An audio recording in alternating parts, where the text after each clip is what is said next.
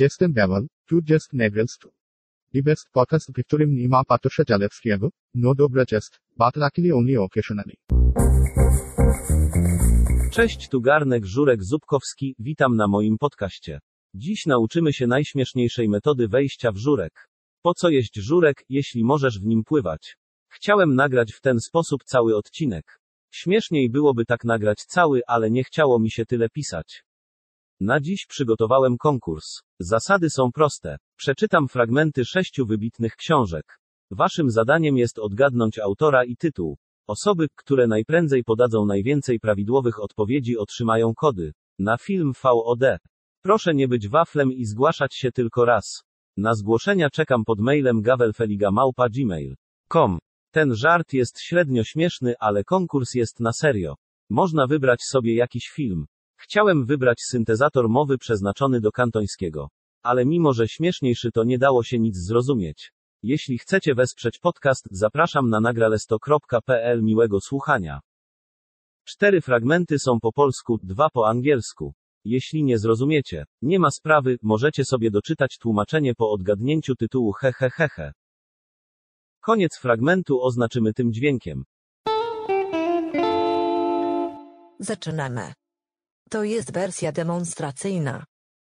Dobrze jest pamiętać, że solidarność ludzka jest pojęciem coraz mniej znanym, dlatego lepiej jest liczyć na siebie samego niż oczekiwać pomocy z zewnątrz. W Szkole Przetrwania, zorganizowanej przez autora w 1982 roku we Włoszech, prowadzone były także kursy poświęcone problemowi przetrwania w mieście. Celem tych kursów było wyrobienie właściwej postawy obronnej, niezbędnej w konfrontacji z szerzącymi się coraz bardziej zagrożeniami. Dużo czasu poświęcono na propagowanie zasad prewencji i umiejętności przewidywania na kilka posunięć naprzód.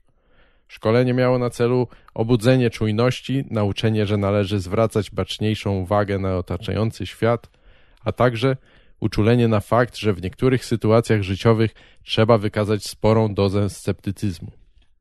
Ten podręcznik odzwierciedla ową filozofię. Z pewnością pomoże uniknąć wielu czyhających na nas niespodzianek i pozwoli lepiej wykorzystać sposoby ochronne czy też odpowiednie reakcje w sytuacji napięcia lub niebezpieczeństwa. Ułatwi przedsięwzięcie odpowiednich kroków, pomoże skuteczniej zachować się w obliczu przemocy, skażenia ekologicznego, nieszczęśliwego wypadku, pożaru, aktu terrorystycznego bądź innego zagrożenia zdrowia czy życia. Tabela. Panorama zagrożeń w mieście.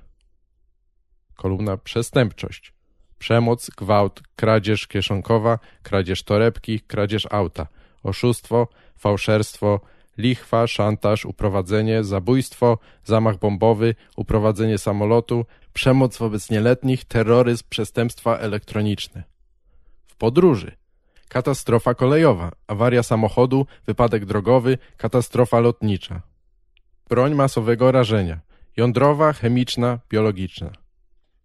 Na ulicy pieszo, rower, komunikacja miejska, taksówka, metro, plaża i basen, park, koncert, demonstracje, bójki uliczne, zły pies, narkotyki, wakacje, pułapki Erosa. Różne.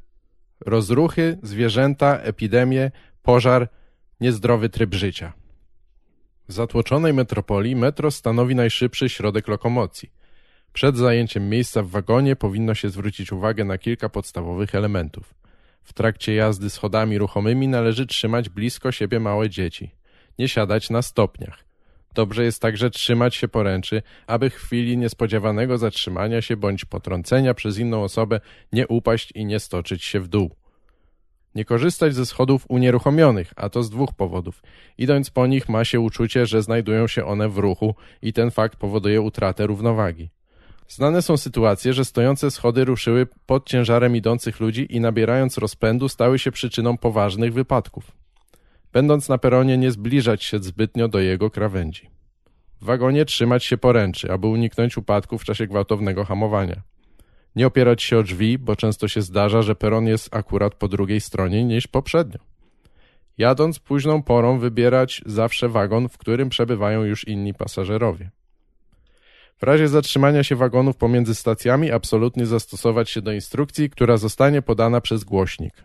Kiedy zbliżamy się do kasy biletowej, dobrze jest mieć przygotowane drobne pieniądze, aby nie wyjmować ich w obecności innych z portfela. Dobrze jest mieć zawsze pod ręką żeton lub kartę telefoniczną na wypadek konieczności skorzystania z telefonu. Narkotyki. Problem narkomanii już dawno urósł do rangi choroby społecznej. Nielegalna produkcja szerzy się w różnych zakątkach świata, a handel tymi środkami odurzającymi osiąga niebywałe rozmiary i tylko znikoma część jest przechwytywana przez policję. Co trzeci, czwarty uczeń przyznaje się, że próbował środków odurzających. Pomocne w uniknięciu uzależnienia od środków odurzających mogą być zajęcia pozaszkolne, uprawianie sportu, jakiekolwiek formy wypełniania wolnego czasu. Nastolatki powinny robić wszystko, aby nawet w chwilach niepewności i słabości nie ulec presji kolegów bądź osób rozdających narkotyki. Za wszelką cenę trzeba, nie wdając się w dyskusję, powiedzieć nie. A zatem pierwszym moim kinem w życiu stało się w roku 1945 gdyńskie kino Bałtyk, późniejsza Warszawa, przy ulicy Świętojańskiej. Przed wojną nazywało się Gwiazda i rzeczywiście miało podwieszane oświetlenie w kształcie wielkiej gwiazdy. Przed każdym seansem gwiazda powoli gasła i jednocześnie z głośników odzywał się dostojny, głęboki gong, przyprawiając widzów o radosne drżenie zapowiadające przeżycia niezwykłe.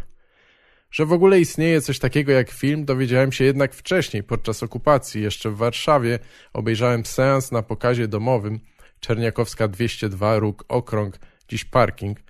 Mama ściągnęła skądś projektor i taśmę. Film był fabularny, ale krótki i opowiadał o tym, jak policjant bezskutecznie usiłuje dogonić złodzieja. Film był oczywiście niemy, mimo to wrażenie robił, choć chyba tylko na mnie. Pierwszym moim filmem prawdziwym, pełnometrażowym były obejrzane w kinie Bałtyk przygody Tarzana z Johnnym Weissmullerem, reklamowane jako nowe. Nowe? To znaczy, że były jakieś wcześniejsze.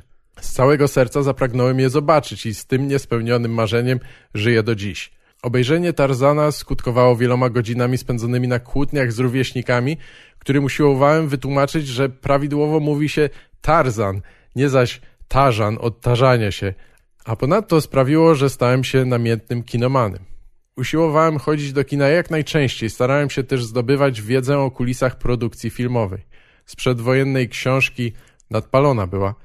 Pod tytułem Max Kron kręci film dowiedziałem się, że producenci filmowi chcą głównie zarobić i realizują swe marzenia nie zawsze czystymi sposobami, zaś z książki Kulisy Srebrnego Ekranu pobierałem cenne nauki, jak olśnić widza mrożącymi krew w żyłach scenami kręconymi w bezpieczny sposób. Na przykład wbijamy strzałę w deseczkę ukrytą pod koszulą aktora, włączamy kamerę, strzała pociągnięta żyłką leci wstecz, następnie taśmę puszczamy od tyłu do przodu i oto mamy scenę, jak lecąca strzała grzęźnie w piersi aktora. Znalazłem tam dokładne opisy wielu trików technicznych o podobnym poziomie trudności. Fascynowały mnie. Częste chodzenie do kina nie było łatwe. Gdynianie, którzy pamiętają być może usytuowanie kina Warszawa naprzeciwko pierwszego gdyńskiego kościoła mniej więcej, niech uwierzą mi na słowo, że kolejka do kasy dochodziła z reguły do rogu ulicy 10 lutego. Nie wiem i już nigdy się nie dowiem, dlaczego zawsze ustawiała się właśnie w tamtym kierunku, a nie odwrotnie, ku ulicy 22 lipca, dziś Armii Krajowej. Był podział na bilety normalne i ulgowe. Ludzie pracy mieli zniżki, ale w liczbie ograniczonej. Do legitymacji pracowniczej lub może związkowej, tego nie pamiętam, dołączano wkładkę z kuponami. Kto używał ich nieoszczędnie, dość szybko tracił przywileje i musiał kupować bilet normalny. To będę pamiętał do końca życia, bo kiedy raz pożyczyłem jakiemuś facetowi legitymację tylko na chwilę, ojciec zrobił długi wykład na temat mojej bolesnej naiwności, jako że dla każdego ciut sprytniejszego było oczywiste, że facet zwróci legitymację ze znacznie uszczuploną liczbą drogocennych kuponów. Pewnie cała rodzina faceta skorzystała wtedy z kuponów mojego ojca. Potem wraz ze wciąż wzrastającym popytem na kino i coraz dłuższymi kolejkami ukonstytuowała się instytucja koników. Tu przekaz historyczny jest stosunkowo bogaty. Wszyscy wiedzą, że u konika bilety zawsze się znalazły i zawsze kosztowały kilkakrotnie więcej niż w kasie. Kina zaś powstawały powoli i jakby niechętnie. W Gdyni działały tylko trzy – Warszawa, Atlantyk i Goplana. Kina Neptun w Orłowie i Promień w Chylonii nie liczę, bo świat był wtedy znacznie większy, a mało kto miał samochód, Do Orłowa jeździło się z rzadko kursującym autobusem albo pociągiem. Chylonia to była wioska gdzieś hen daleko na Kaszubach, a dwa kina sopockie, Bałtyk i Polonia, to już na krańcach świata.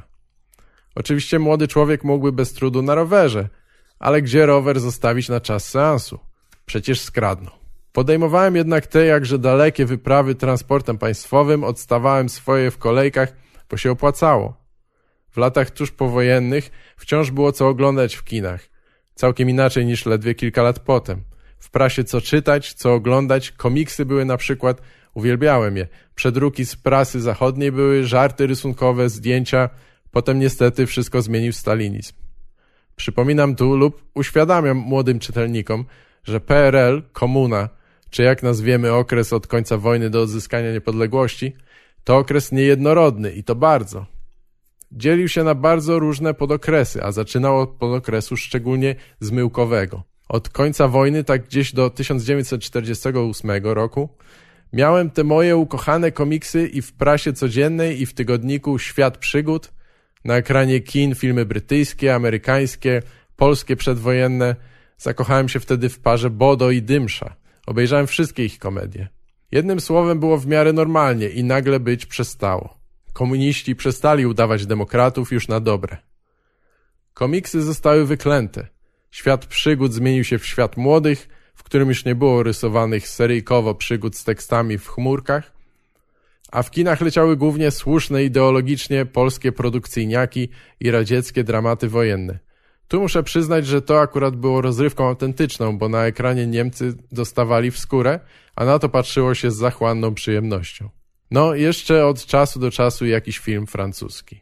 Francuzi to swego rodzaju ciekawostka. Zawsze byli przez komunistów traktowani jako znacznie lepsi od całej zachodniej reszty, tacy bardziej swoi, na który to stosunek zresztą uparcie pracowali. Jean-Paul Sartre, pa Pablo Picasso, Yves Montand to niestety przykłady, jak dziś nazywamy to zjawisko, pożytecznych idiotów, bezinteresownie głoszących chwałę Związku Radzieckiego i ślepych na niewygodne fakty. Yves Montand, przyznajmy mu to, rehabilitował się dzielnie przed wyborami 1989 roku, popierając Solidarność. Inni nie zdążyli. I choć w latach powojennych głupota niektórych zachodnich artystów i intelektualistów na skalę masową objawiająca się we Francji bolała nas szczególnie, to w przypadku dzieł tych artystów łaskawie nam przez władze udostępnianych, oczywiste było, że gremialnie zastosujemy pragmatyczną zasadę niezaglądania w zęby darowanemu koniowi. Jak się pokazał jakiś film francuski, a jeszcze w dodatku niezły, na przykład Fanfan Tulipan, Fanfan la Tulipe, z Gerardem Filipem w roli głównej, to kolejki były kilometrowe, bilety u koników zawrotnie drogie, a popularność Gwiazdora stawała się wprost niewyobrażalna. Fanfan wszedł na ekrany mniej więcej w okresie mojej matury. Byłem w wieku, kiedy bardzo się dba o wygląd, żeby wypadać maksymalnie dobrze w oczach koleżanek, nie mogłem więc nie zauważyć zasadniczych zmian w kanonach mód młodzieżowych, jakie nastąpiły wkrótce potem. Stosunkowo niedługo po premierze filmu o fanfanie tulipanie wszyscy młodzi ludzie czesali się już na fanfana. To znaczy mieli dość krótko ostrzyżone włosy i nowość stojące. Nie było mowy o zetempowskim oficjalnie lansowanym przylizaniu od czoła, ani też o bikiniarskiej fali tworzonej nad czołem jednym sprawnym, fachowym ruchem dłoni. Kaczy Cooper z tyłu, dawniej obowiązkowy, ustąpił włosom krótszym – choć zbyt wysokie podgolenie, a szczególnie podgolenie nad uszami, niezmiennie kompromitowało. Gdy tak chodziłem do kina, zakochując się a to w przedwojennych komikach, a to później nieco w gwiazdach francuskich, o żadnej karierze jeszcze nie marzyłem. Niemniej nagle stałem się szczęśliwym posiadaczem jej nieśmiałych zalążków.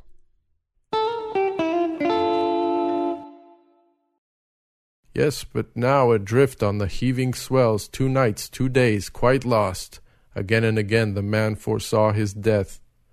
Then, when dawn with her lovely locks brought on the third day, the wind fell in an instant, all glazed to a dead calm, and Odysseus, scanning sharply, raised high by a groundswell, looked up and saw it. Landfall just ahead. Joy, warm as the joy that children feel when they see their father's life dawn again. One who's lain on a sick bed racked with torment wasting away slowly under some angry power's onslaught. Then what joy when the gods deliver him from his pains. So warm Odysseus' joy when he saw that shore, those trees, as he swam on, anxious to plant his feet on solid ground again. But just offshore, as far as a man's shout can carry, he caught the boom of a heavy surf on jagged reefs, roaring breakers crashing down on an iron-bound coast, exploding in fury, the whole sea shrouded, sheets of spray, no harbors to hold ships, no roadstead where they'd ride, nothing but jutting headlands, rip-toothed reefs, cliffs. Odysseus' knees quaked, and the heart inside him sank. He spoke to his fighting spirit, desperate. Worse and worse! Now that Zeus has granted a glimpse of land beyond my hopes, now I've crossed this waste of water, the end in sight, there's no way out of the boiling surf. I see no way. Rugged reefs offshore, around them breakers roaring, above them a smooth rock face, rising steeply, look, and the surge too deep in shore, no spot to stand on my own two legs and battle free of death. If I clamber out, some big comber will hoist me, dash me against the cliff. My struggle's all a waste. If I keep on swimming down the coast, trying to find a sea beach shelving against the waves, a sheltered cove, I dread it. Another gale will snatch me up and haul me back to the fish infested sea, retching in despair. Or a dark power will loose some monster at me, rearing out of the waves, one of the thousands Amphitrite's breakers teem with. Well, I know the famous god of earthquakes hates my very name. Just as that fear went churning through his mind, a tremendous roller swept him toward the rocky coast, where he'd have been flayed alive, his bones crushed, if the bright-eyed goddess Pallas had not inspired him now. He lunged for a reef, he seized it with both hands and clung for dear life, groaning until the giant wave surged past, and so he escaped its force. But the breaker's backwash charged into him full fury and hurled him out to sea. Like pebbles stuck in the suckers of some octopus dragged from its lair, so strips of skin torn from his clawing hands stuck to the rock face. A heavy sea covered him over. Then and there unlucky Odysseus would have met his death against the will of fate. But the bright eyed one inspired him yet again. Fighting out from the breakers pounding toward the coast, out of danger he swam on, scanning the land, trying to find a sea beach shelving against the waves, a sheltered cove, and stroking hard he came abreast of a river's mouth, running calmly, the perfect spot, he thought, free of rocks with a windbreak from the gales. As the current flowed, he felt the river's God and prayed to him in spirit. Hear me, Lord, whoever you are, I've come to you. The answer to all my prayers, rescue me from the sea, the sea lord's curse. Even immortal gods will show a man respect, whatever wanderer seeks their help, like me. I throw myself on your mercy, on your current now. I have suffered greatly. Pity me, Lord. Your suppliant cries for help. So the man prayed, and the god stemmed his current, held his surge at once, and smoothing out the swells before Odysseus now, drew him safe to shore at the river's mouth. His knees buckled, massive arms fell limp, the sea had beaten down his striving heart. His whole body swollen, brine aplenty gushing out of his mouth and nostrils, breathless, speechless, there he lay, with only a little strength left in him, Deathly waves of exhaustion overwhelmed him now. But once again he regained his breath and rallied back to life. At last he loosed the goddess' scarf from his body, dropped it into the river flowing out to the sea, and a swift current bore it far downstream, and suddenly Ino caught it in her hands. Struggling up from the banks, he flung himself in the deep reeds. He kissed the good green earth and addressed his fighting spirit desperate still. Man of misery, what next? Is this the end? If I wait out a long, tense night by the banks, I fear the sharp frost and the soaking dew together will do me in. I'm bone weary, about to breathe my last, and a cold wind blows from a river on toward morning. But what if I climb that slope, go for the dark woods, and bed down in the thick brush? What if I'm spared the chill, fatigue, and a sweet sleep comes my way? I fear wild beasts will drag me off his quarry. But this was the better course it struck him now. He set out for the woods, and not far from the water found a grove with a clearing all around, and crawled beneath two bushy olives sprung from the same root, one olive wild, the other well-bred stock. No sudden gusty winds could ever pierce them, nor could the sun's sharp rays invade their depths, nor could a downpour drench them through and through, so dense they grew together, tangling side by side. Odysseus crept beneath them, scraping up at once a good wide bed for himself with both hands. A fine litter of dead leaves had drifted in, enough to cover two men over, even three, in the wildest kind of winter known to man. Long enduring great Odysseus, overjoyed at the sight, bedded down in the midst and heaped the leaves around him as a man will bury his glowing brand in black ashes, off on a lonely farmstead, no neighbors near to keep a spark alive, no need to kindle fire from somewhere else. So great Odysseus buried himself in leaves, and Athena showered sleep upon his eyes. Sleep in a swift wave, delivering him from all his pains and labors. Blessed sleep that sealed his eyes at last.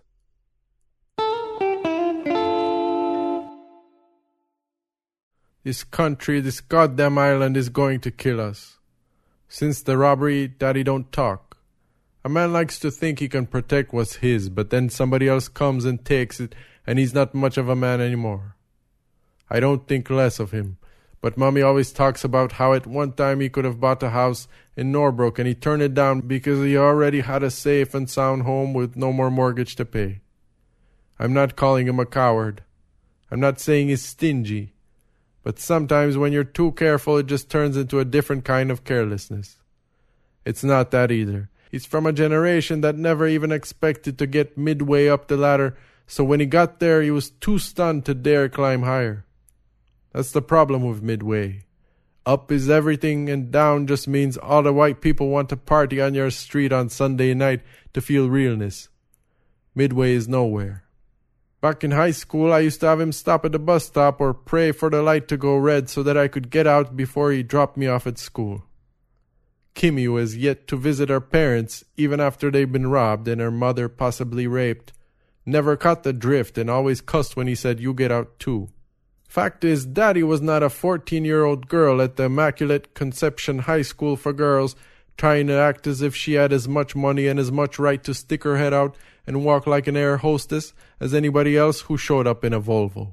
You couldn't just drive up in a Ford Escort in front of those little bitches who were always lying in ambush at the gate just to see who drove up in what. Did you see Elisa's father drop her off in some jalopy? My boyfriend say it's a Cortina. That's what daddy have the maid use. What really boiled my blood is that it's not that daddy didn't have money, but he could never think of a single good reason to spend it.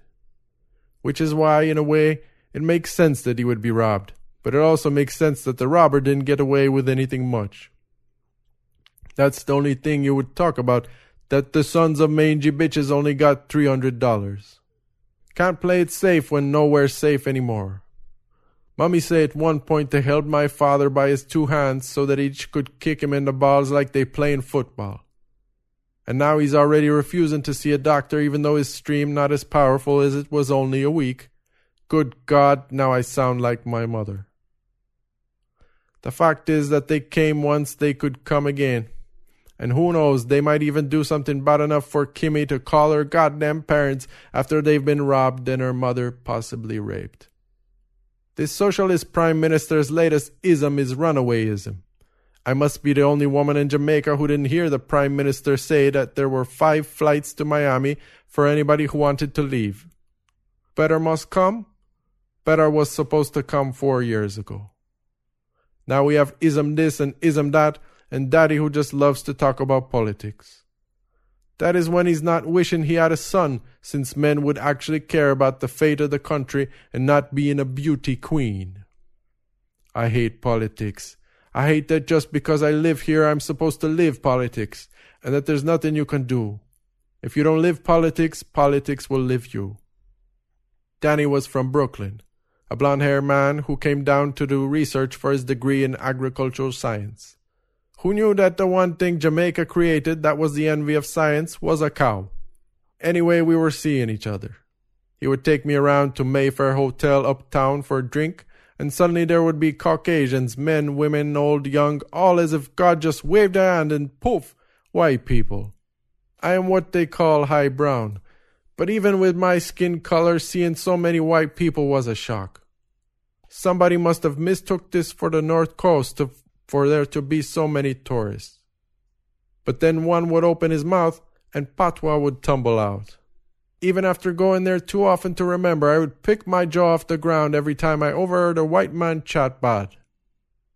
Wait, ho ho ho, is that you, Busha? Ho ho, can't see you these days, man. You get rich and switch? They didn't even have a tan. Danny would listen to really weird music, just noise that he would play loud sometimes to piss me off. Just noise, rock and roll, the Eagles and the Rolling Stones, and too many black people who should just stop acting white. But at night he would play a song. We broke up almost four years ago, but every time I look outside the window I sing two lines over and over. I do believe, if you don't like things, you leave. Funny it is because of Danny that I met him. Some party that the record label had all the way up in the hills. Bush people and white people are all that live up here, huh? Danny said he never know black people could be racist. I went to get some punch, poured it slow to kill time, then saw Danny talking to the label boss. I was exactly what these workers thought I was, some uppity nigger fucking the American. Right beside Danny and the label boss was him. Somebody whom I never thought I would meet. Even my mother liked his last single, though my father despised him. He was shorter than I expected, and me, him, and his manager were the only black people there not asking if he would like our drinks freshened up. Standing there, he was like a black lion. Had a sexy daughter just come man so, he said. Fifteen years of schooling on how to talk proper, and that is still the sweetest thing I ever heard come out of a man's mouth. I didn't see him again until long after Danny went back, and I followed my sister Kimmy, who has yet to call her parents after they've been robbed and her mother possibly raped, to a party at his house. He didn't forget me. But wait, you is Kimmy's sister? Is where you was hiding? Or you was like Sleeping Beauty, eh? Waiting for the man to wake you up? The whole time I'm splitting in two. The part of me that I like to shut off after morning coffee said yes, reason with me, my sexy brethren. The other part going, what do you think you're doing with this lice-infested Rasta? Kimmy left after a while. I didn't see her go. I stayed even after everybody left. I was watching him, me and the moon, when he went out on the veranda naked like some night spirit with a knife to peel an apple. Locks like a lion and muscles all over and shining in the moon. Only two people know that Midnight Ravers is about me. I hate politics. I hate that I'm supposed to know. Daddy says that nobody is driving him out of his own country, but he's still thinking gunmen or somebody. I wish I was rich. I wish I was working and not laid off, and I hope he would at least remember that night on his balcony with the apple.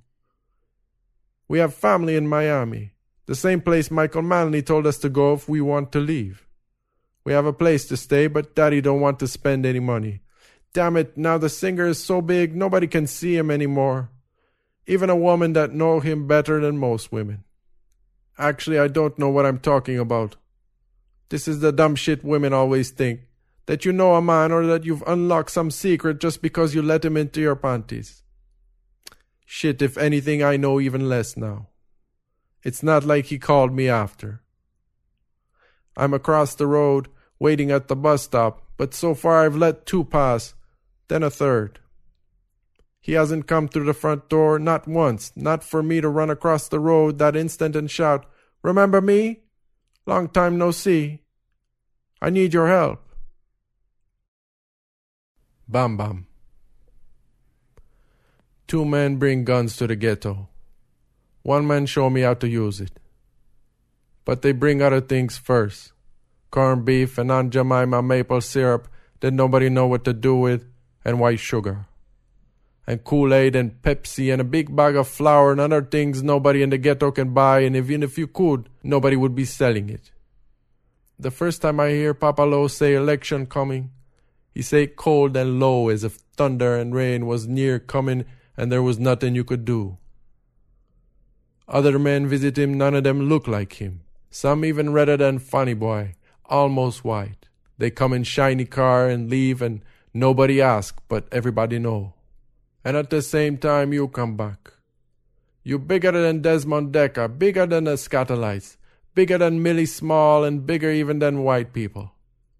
And you know Papa Lo from when neither of you have chest there, and you drive down into the ghetto like a thief in the night. But I see you. Outside my house, the house Papa Lo put me. I see you drive up, just you and Georgie. And Papa Lo squeal almost like a girl and run out and hug you with him bigness, and you was always small and you have to bawl out for the man to put you down. Any more hugging and touching and you go and mistake him for Mick Jagger. You turn into the person who talk about a lot of people that nobody know, and you talk about how this cokehead who call himself Sly Stone, but who really have some girly name like Sylvester, give you an opening slot like he throwing a dog a bone, and you jump on the stage and mash down the place, but some of the black people say, what is this slow hippie bullshit? And they don't like you at all. So you say, fuck this fuckery, better I do my own tour and Sly Stone just go off and sniff some more cocaine, leaving you stranded in Las Vegas. We don't know him either, but you're the man who now talk about people we don't know. You say the Cokeheads fans couldn't take the real vibration and you leave after just four shows. But that was just water under the bridge. You tramped through Babylon and the rest of the story, Papa Lo could tell it because everybody knows it. So Papa Lo tell it and you just nod. And then you say you have big things to talk about, but I have to wait because now everybody hear that you in Copenhagen City and they come out to give thanks and praise to the sufferer who turned big star, but who don't forget them sufferer who still suffering and some thank you for by now you feeding 3,000 people, which everybody know but nobody talk about but your truck looked beat up and not what we expect, and that made me angry because nothing worse than when a man have money and pretend he don't have none like acting like you poor some pose. And a woman hug you and say she have some stew peas and you say, Mommy, you know me don't touch the pork and she say, It's ital stew. And it good, you see? And you say then, Mommy, run go bring me a big bowl, the biggest bowl in the kitchen, and bring it to Papa Lo house, because me and him have to talk plenty things and you and Papa Lo gone off, and none of him deputy, not even Josie Wales follow him. And I watch Josie Wales as he watch them walk away, and he stand there, and he look, and he hiss. The two men who bring guns to the ghetto watch you sing yourself out of their hands, and they not happy at all. Nobody uptown singing thanks and praises for you. Not the man who brings gun to the eight lanes, still run by Shotta Sherrif. That man know him party going up for re-election and they need to win to stay in power, to bring power to the people, all comrades and socialists. Not the Syrian who bring guns to Copenhagen city and who want to win the election so bad that he will move God himself if God in the seat. The American who come with guns know that whoever win Kingston, win Jamaica. And whoever win West, and whoever win West Kingston, win Kingston before any man in the ghetto tell him. Kurwa mać! Ból wykrzywił twarz Oskara. Zaciśniętymi oczami i szczękami wyglądał teraz jak Azjata, który zagryzł kawałkiem cytryny szota czystej wódki. Jeszcze kilka godzin temu ten Azjata siedział z Oskarem przy jednym barze. Teraz nie było już Azjaty, został tylko kac. Budzik w telefonie stał się nie do zniesienia głośny. Sunął stopy w kuboty, które skompletował idąc przez sypialnię i wyszedł na balkon. W sekundę zorientował się, że na zewnątrz panuje prawie taka sama temperatura jak w mieszkaniu. Wyjął z kieszeni pogniecioną paczkę niebieskich elemów. Dwie fajki, w dodatku krzywe jak siusiak gimnazjalisty, który przegina z masturbacją. Dosłownie i w przenośni. Za barierką pudziła się łódź. Do domu, warknąłem pod nosem i zacząłem przeglądać wiadomości w telefonie. Większość dotyczyła interesów, ale wśród nich znalazłem także SMS od Anny. Jestem mokra, potrzebuję kary. Mój penis poruszył się w spodniach, a ja z westchnieniem poprawiłem go i mocno ścisnąłem. O tak, moja dziewczyna dobrze wyczuwała mój nastrój. Wiedziała, że to spotkanie nie będzie miłe i nie przyniesie mi spokoju. Wiedziała też, co mnie relaksuje. Bądź gotowa na dwudziestą, odpisałem krótko i wygodnie się rozsiadłem, patrząc jak świat za oknem samochodu znika. Zamknąłem oczy. I znowu ona. Mój kutas sekundę zrobił się twardy jak stal. Boże, zwariuję, jeśli jej nie znajdę. Od wypadku minęło już pięć lat, pięć długich lat, od jak to powiedział lekarz, cudu, śmierci i zmartwychwstania, podczas których śni mi się kobieta, której nie widziałem w prawdziwym życiu. Poznałem ją w swoich wizjach, kiedy byłem w śpiączce. Zapach jej włosów, delikatność skóry, niemal czułem, jak ją dotykam. Za każdym razem, kiedy kochałem się z Anną czy jakąkolwiek inną kobietą, kochałem się z nią. Nazywałem ją panią. Była moim przekleństwem, obłędem i podobno wybawieniem. Samochód zatrzymał się. Wziąłem do ręki marynarkę i wysiadłem. Na płycie lotniska czekali już Domenico, Mario i chłopaki, których ze sobą zabrałem. Może przesadziłem, ale czasami pokaz siły jest potrzebny, by zmylić przeciwnika.